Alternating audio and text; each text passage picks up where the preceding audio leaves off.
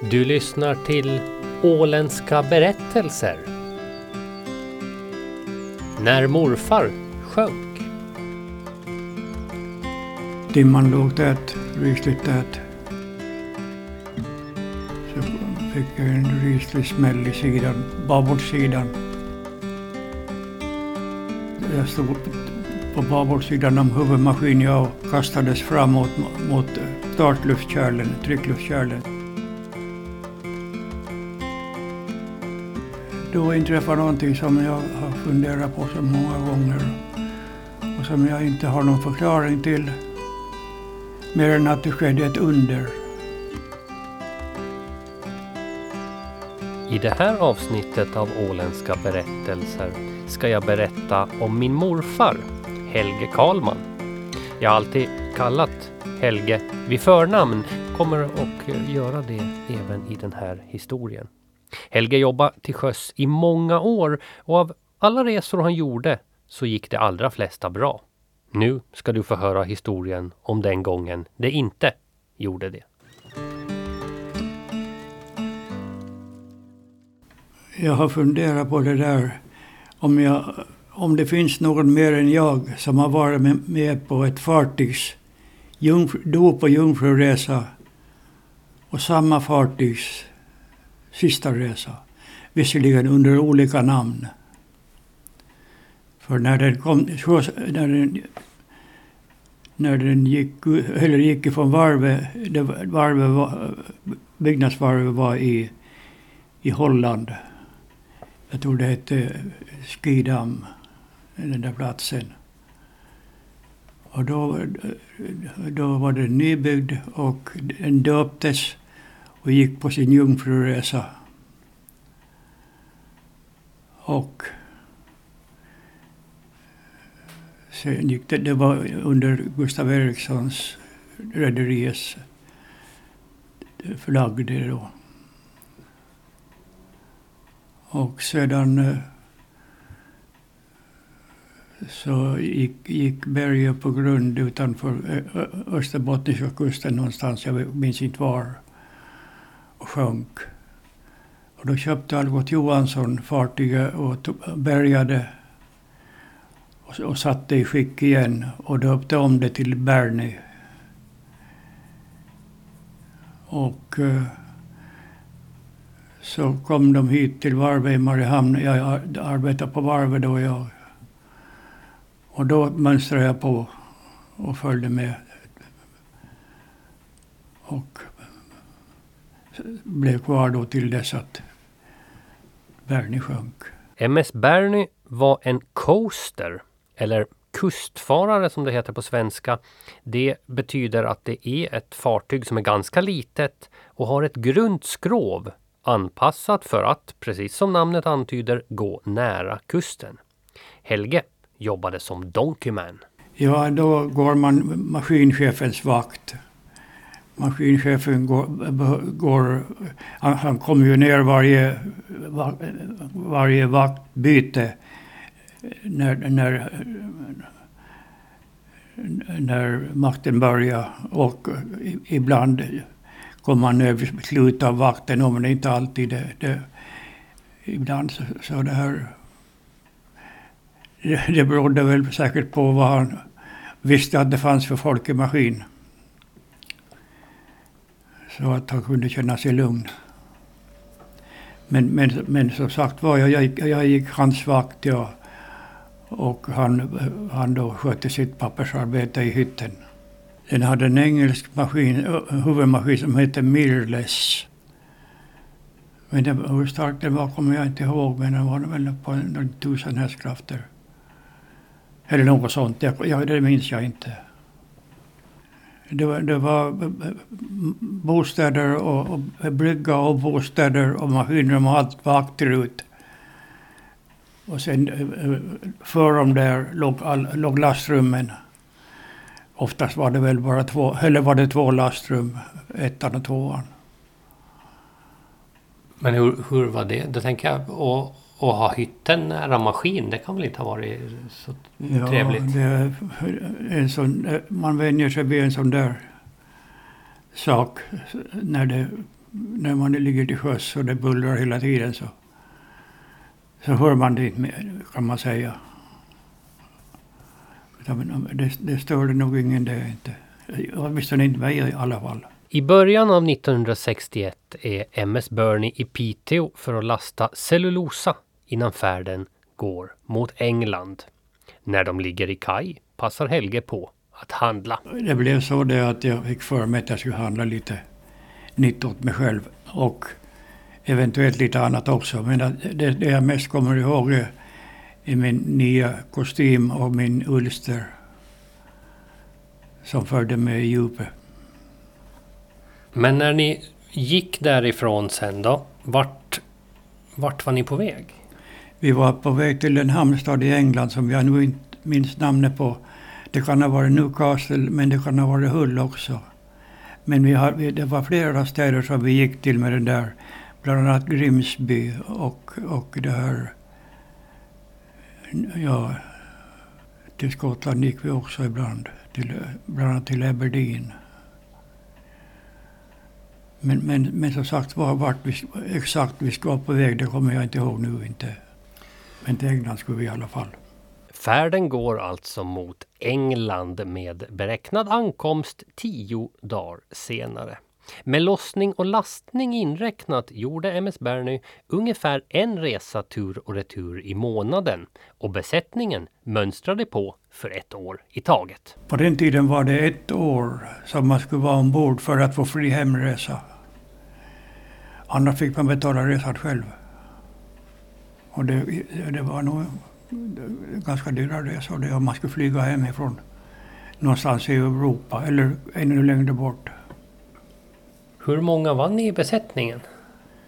Ja, jag har försökt, jag har försökt räkna, räkna, komma ihåg det där om det skulle kunna vara 14 man. Möjligen. Jag, jag, jag kommer inte säkert ihåg det. Det gör jag inte. Men ganska många ifrån Åland om jag förstår det rätt? Jo, vi var rätt många från Åland. För att kapten var ju ålänning. Och uh, överstyrman var ålänning. Maskinchefen var ålänning. Och eh, sen var det nog andra ålänningar då också. Förutom jag då. Men, men eh, riktigt, ja, jag kommer ihåg att det var en, en pojke från Sund som hette Holmström. Och sedan Bjarne Öhman från Lämland. Men, men eh, jag kommer inte ihåg. Jag kommer inte ihåg något. Jo, möjligen Per-Olof Jansson. Ja. Han var från Möckele hemma han. Som var överstyrman. Mm. Och Einar Eriksson var maskinchef. Han var från, från Strandnäs han. Som, som sedan hade Klintverkstaden. Uh, Arthur Sandell. Han var kapten från Sund han, hemma. Uh, sen tror jag kanske någon som kan ha hett Clarence Holmström. Kommer du ihåg någon sån? Det kan det vara. Det var, det var nog han som var, han var från Sund hemma. Ja, men det fanns en bror Holmström också ifrån Sund. Ja, då vet jag inte vem det skulle vara. Nej. Jag kommer inte ihåg det inte. Vad kommer du ihåg av besättningen? Var, ni ett, liksom, var det ett bra gäng? Var det... Ja, det var ett bra gäng. det var det det. Jo, jo. Jo, jo. Så att ni, ni trivdes med, med jobbet? Jo, jo. Det gjorde vi nog det. Jo, jo. Resan ner längs den svenska kusten går bra och vädret är fint för årstiden. Det är en mild vinter, berättar min morfar Helge. Men när MS Berny kommer till Kattegatt kommer dimman.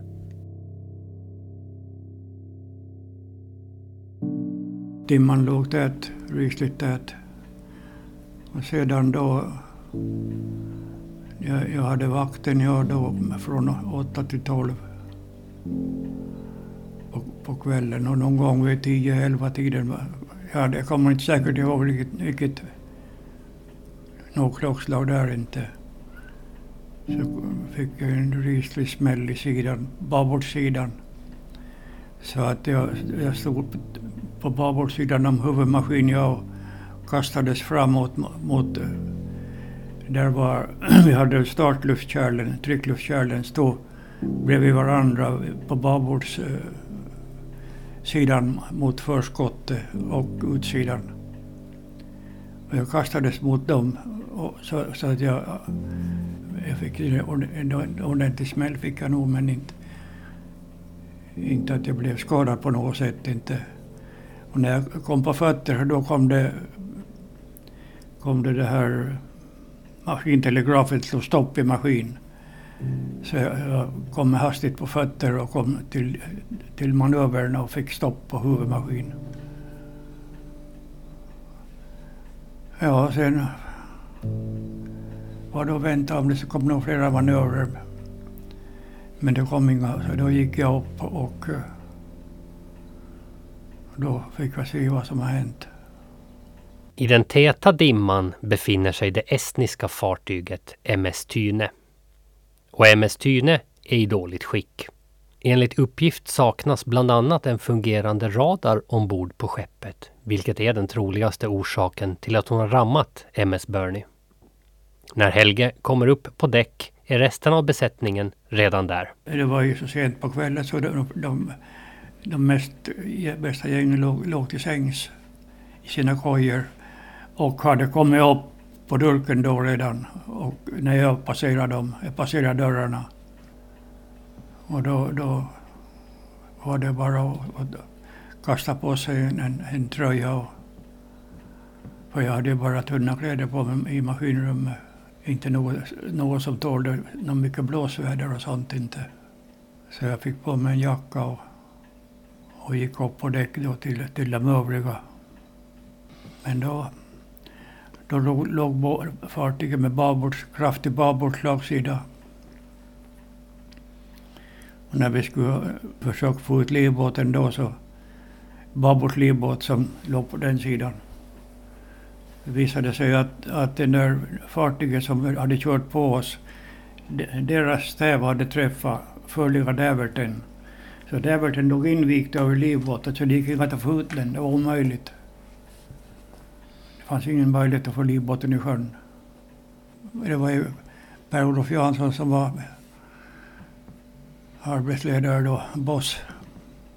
Vi försökte på alla möjliga sätt fundera hur vi skulle kunna få, få, få den i sjön. För det såg, det såg ju hopplöst ut. Men då inträffade någonting som jag har funderat på så många gånger och som jag inte har någon förklaring till. Mer än att det skedde ett under.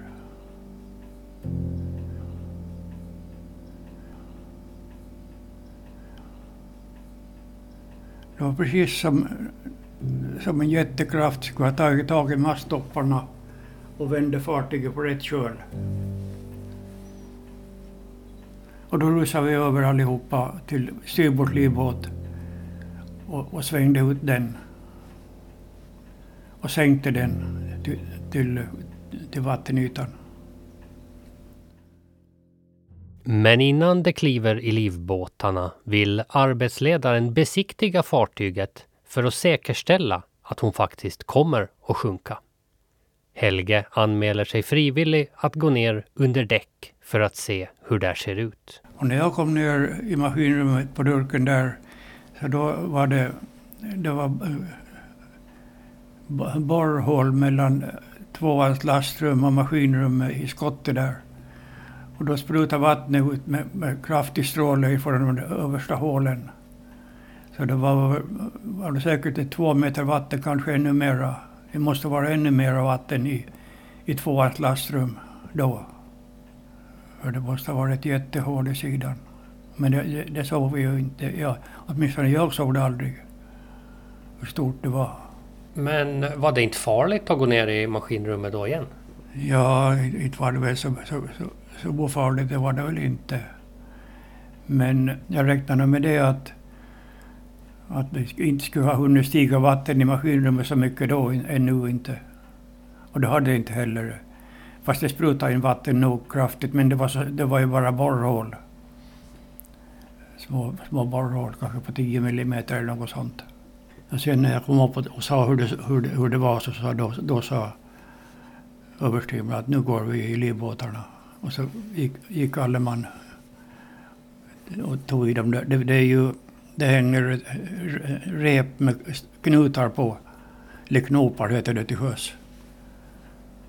Som man tar i och hämtar sig ner då. Tills man kommer till livbåtsdurken.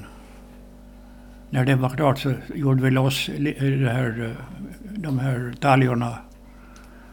Och så satte vi årorna i sjön och rodde bort ungefär kanske 50 meter eller något sånt ifrån, ifrån Bärnö. Och där låg vi sedan till dess att fartyget sjönk.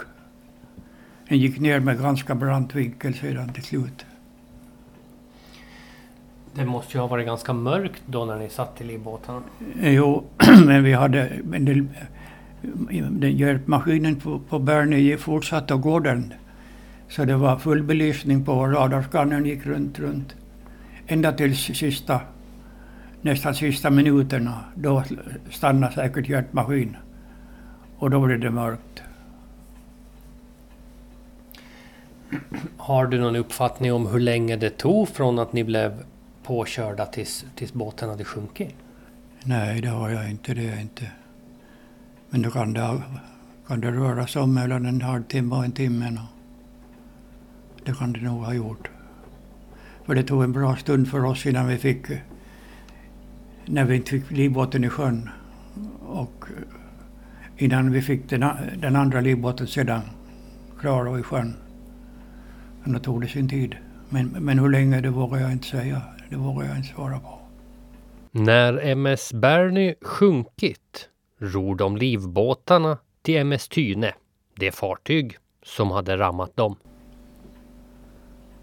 Och det som var det underliga var att, att, att de hade inte satt några livbåtar i sjön, de inte, utan de låg stilla. Men det kom vi nog underfund med varför de inte satt några livbåtar i sjön, för att de hade inga livbåtar de skulle ha flutit. Det var det första vi kollade, jag och sen vem jag hade med minns jag inte, men vi gick till, upp till båtdäck och kollade deras livbåtar. Och det första vi träffade på var en, en som låg på däck. En, en, vad den var använd till vet jag inte, men att det var ingen livbåt som hängde i dävertarna utan den låg på däck.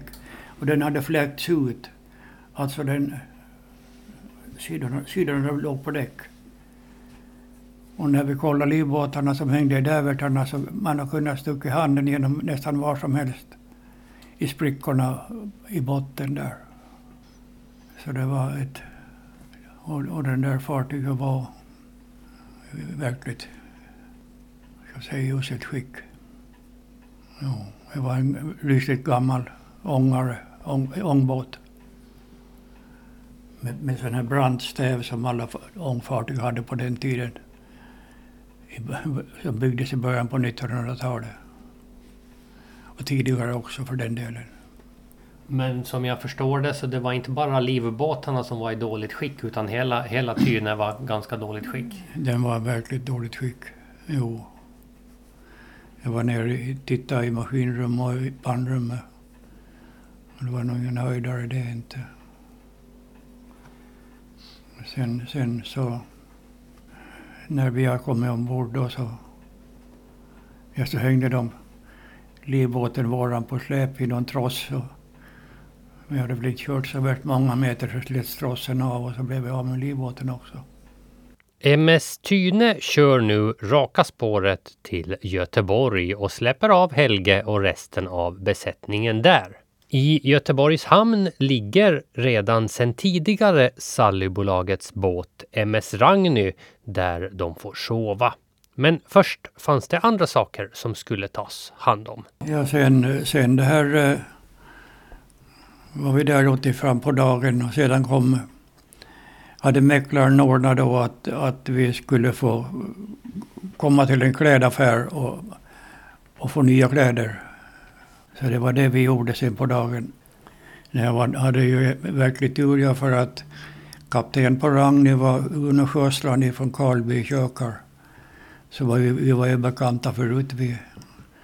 Så jag hade bra på det sättet att jag fick, fick vila mig på, på, på, om, det nu var på salongssoffan eller vad det var. Jag minns inte där säkert. Eller om jag var i sjukhytten, jag kommer inte ihåg det.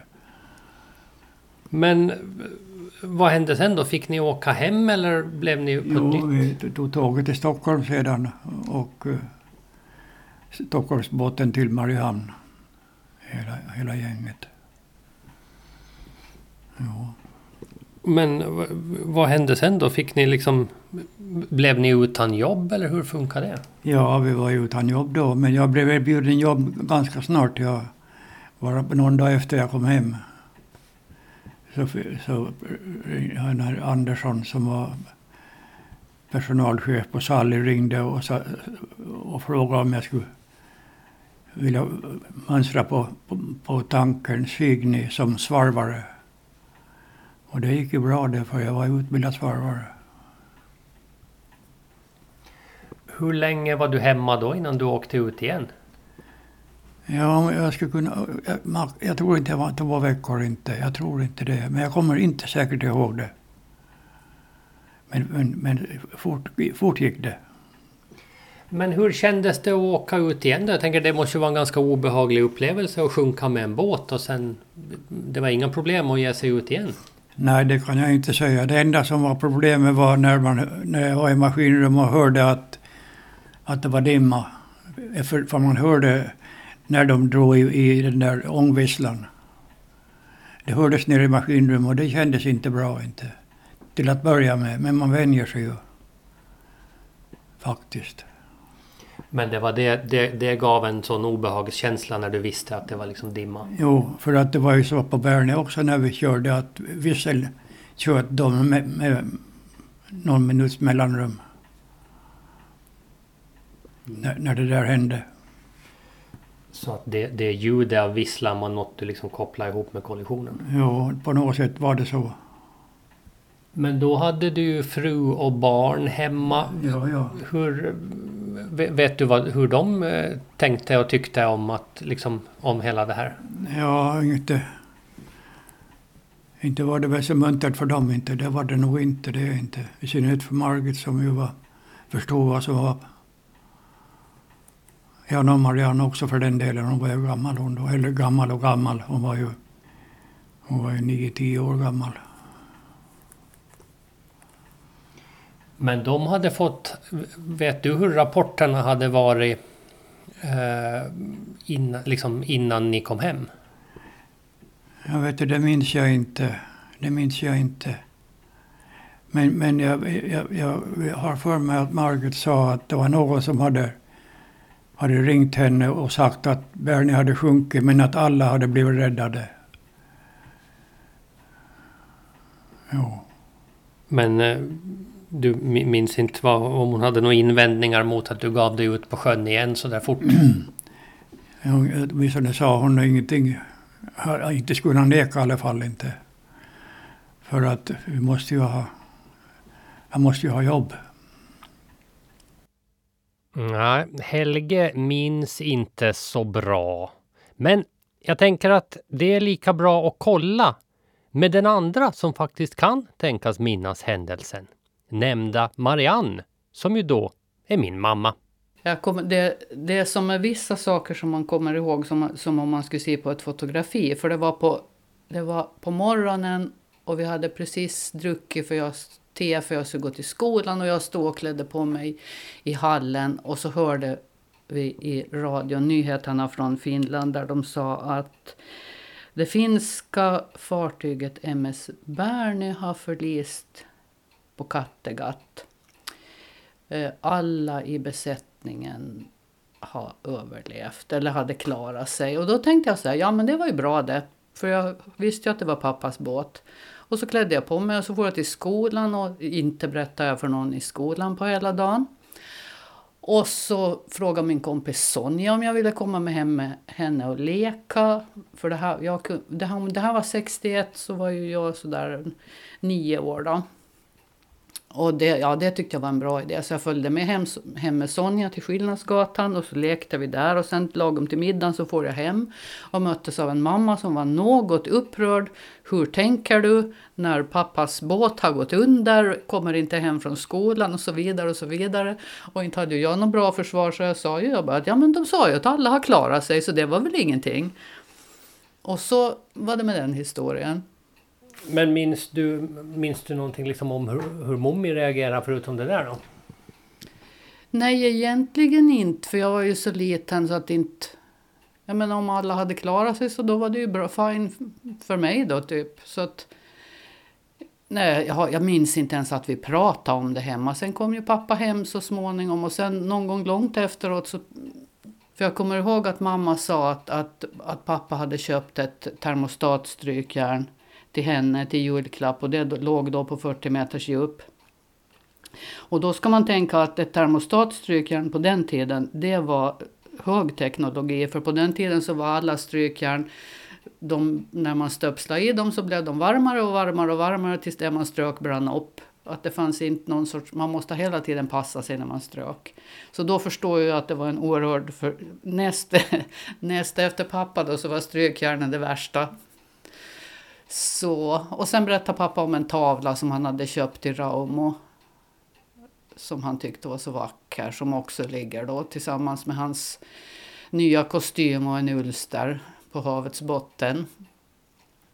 Men annars, annars har jag inga minne. Jag tycker inte ens att han var hemma något länge efter olyckan utan att de ringde ganska fort från, från Algots att han skulle ut på någon annan båt. Så att det, det var nog inga någon debriefing och någon, sånt på den tiden utan då bet man ihop och så får man.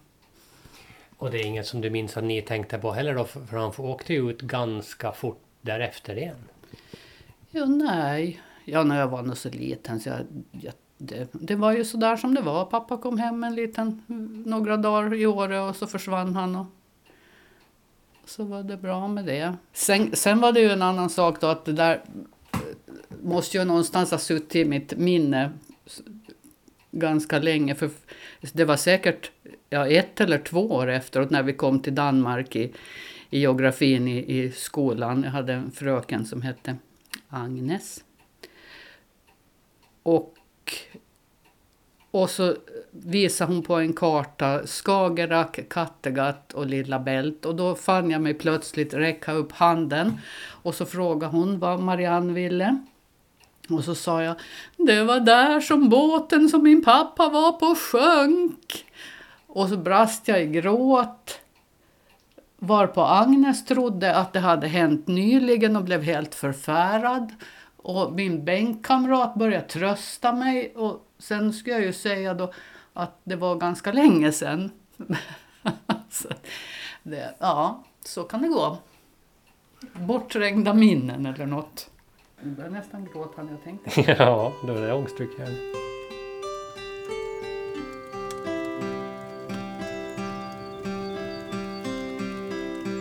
Du har hört Åländska berättelser När morfar sjönk av mig, Peter Grönholm och med min morfar, Helge Karlman.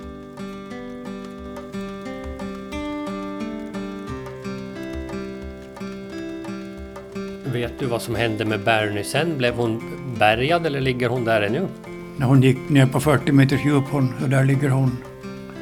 Och den där platsen där, när det finns något, något eh, sjömärke eller vad man ska kalla det som heter Läsö Nord.